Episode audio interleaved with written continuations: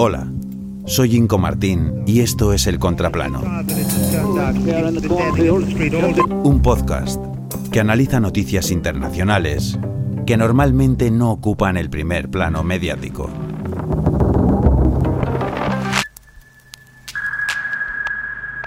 Edad biológica.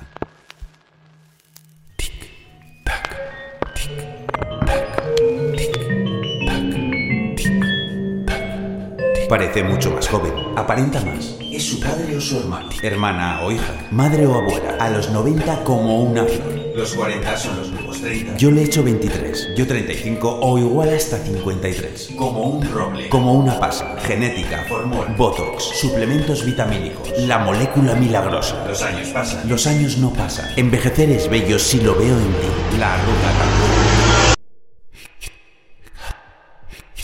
Edad cronológica o edad biológica? ¿Cuál es más real?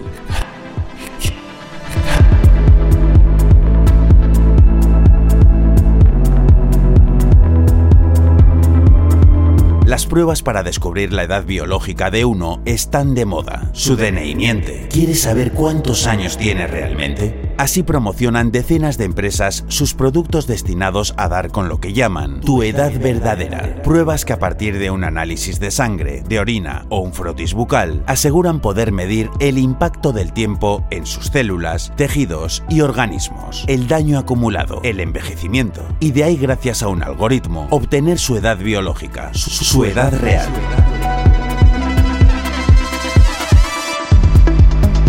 Conocer su edad real puede costarle entre 200 y 300 euros, pero antes de lanzarse dele un par de vueltas. Recuerde que el resultado puede ser cara o cruz. Cara, edad inferior a la que marca su DNI. Cruz, superior. Ha soplado menos velas de las que debería. Si tu edad es superior, estamos aquí para ayudarte a recuperar una edad biológica no solo dentro de la media, sino inferior a la media. Esto nos cuenta David Sinclair, biólogo de la Universidad de Harvard, cofundador de una de estas empresas y uno de los gurús de la biotecnología enfocada al anti-envejecimiento. Hablamos de salud, hablamos de estética, hablamos de ambas. ¿Cuál es el secreto de estas empresas para hacerte más joven que la media?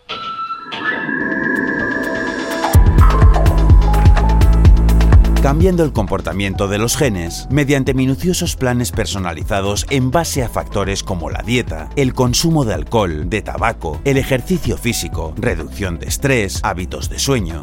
Cientos de miles de estudios, teorías, experimentos o elucubraciones para descubrir el elixir de la vida. Y la cosa era tan sencilla como vida saludable.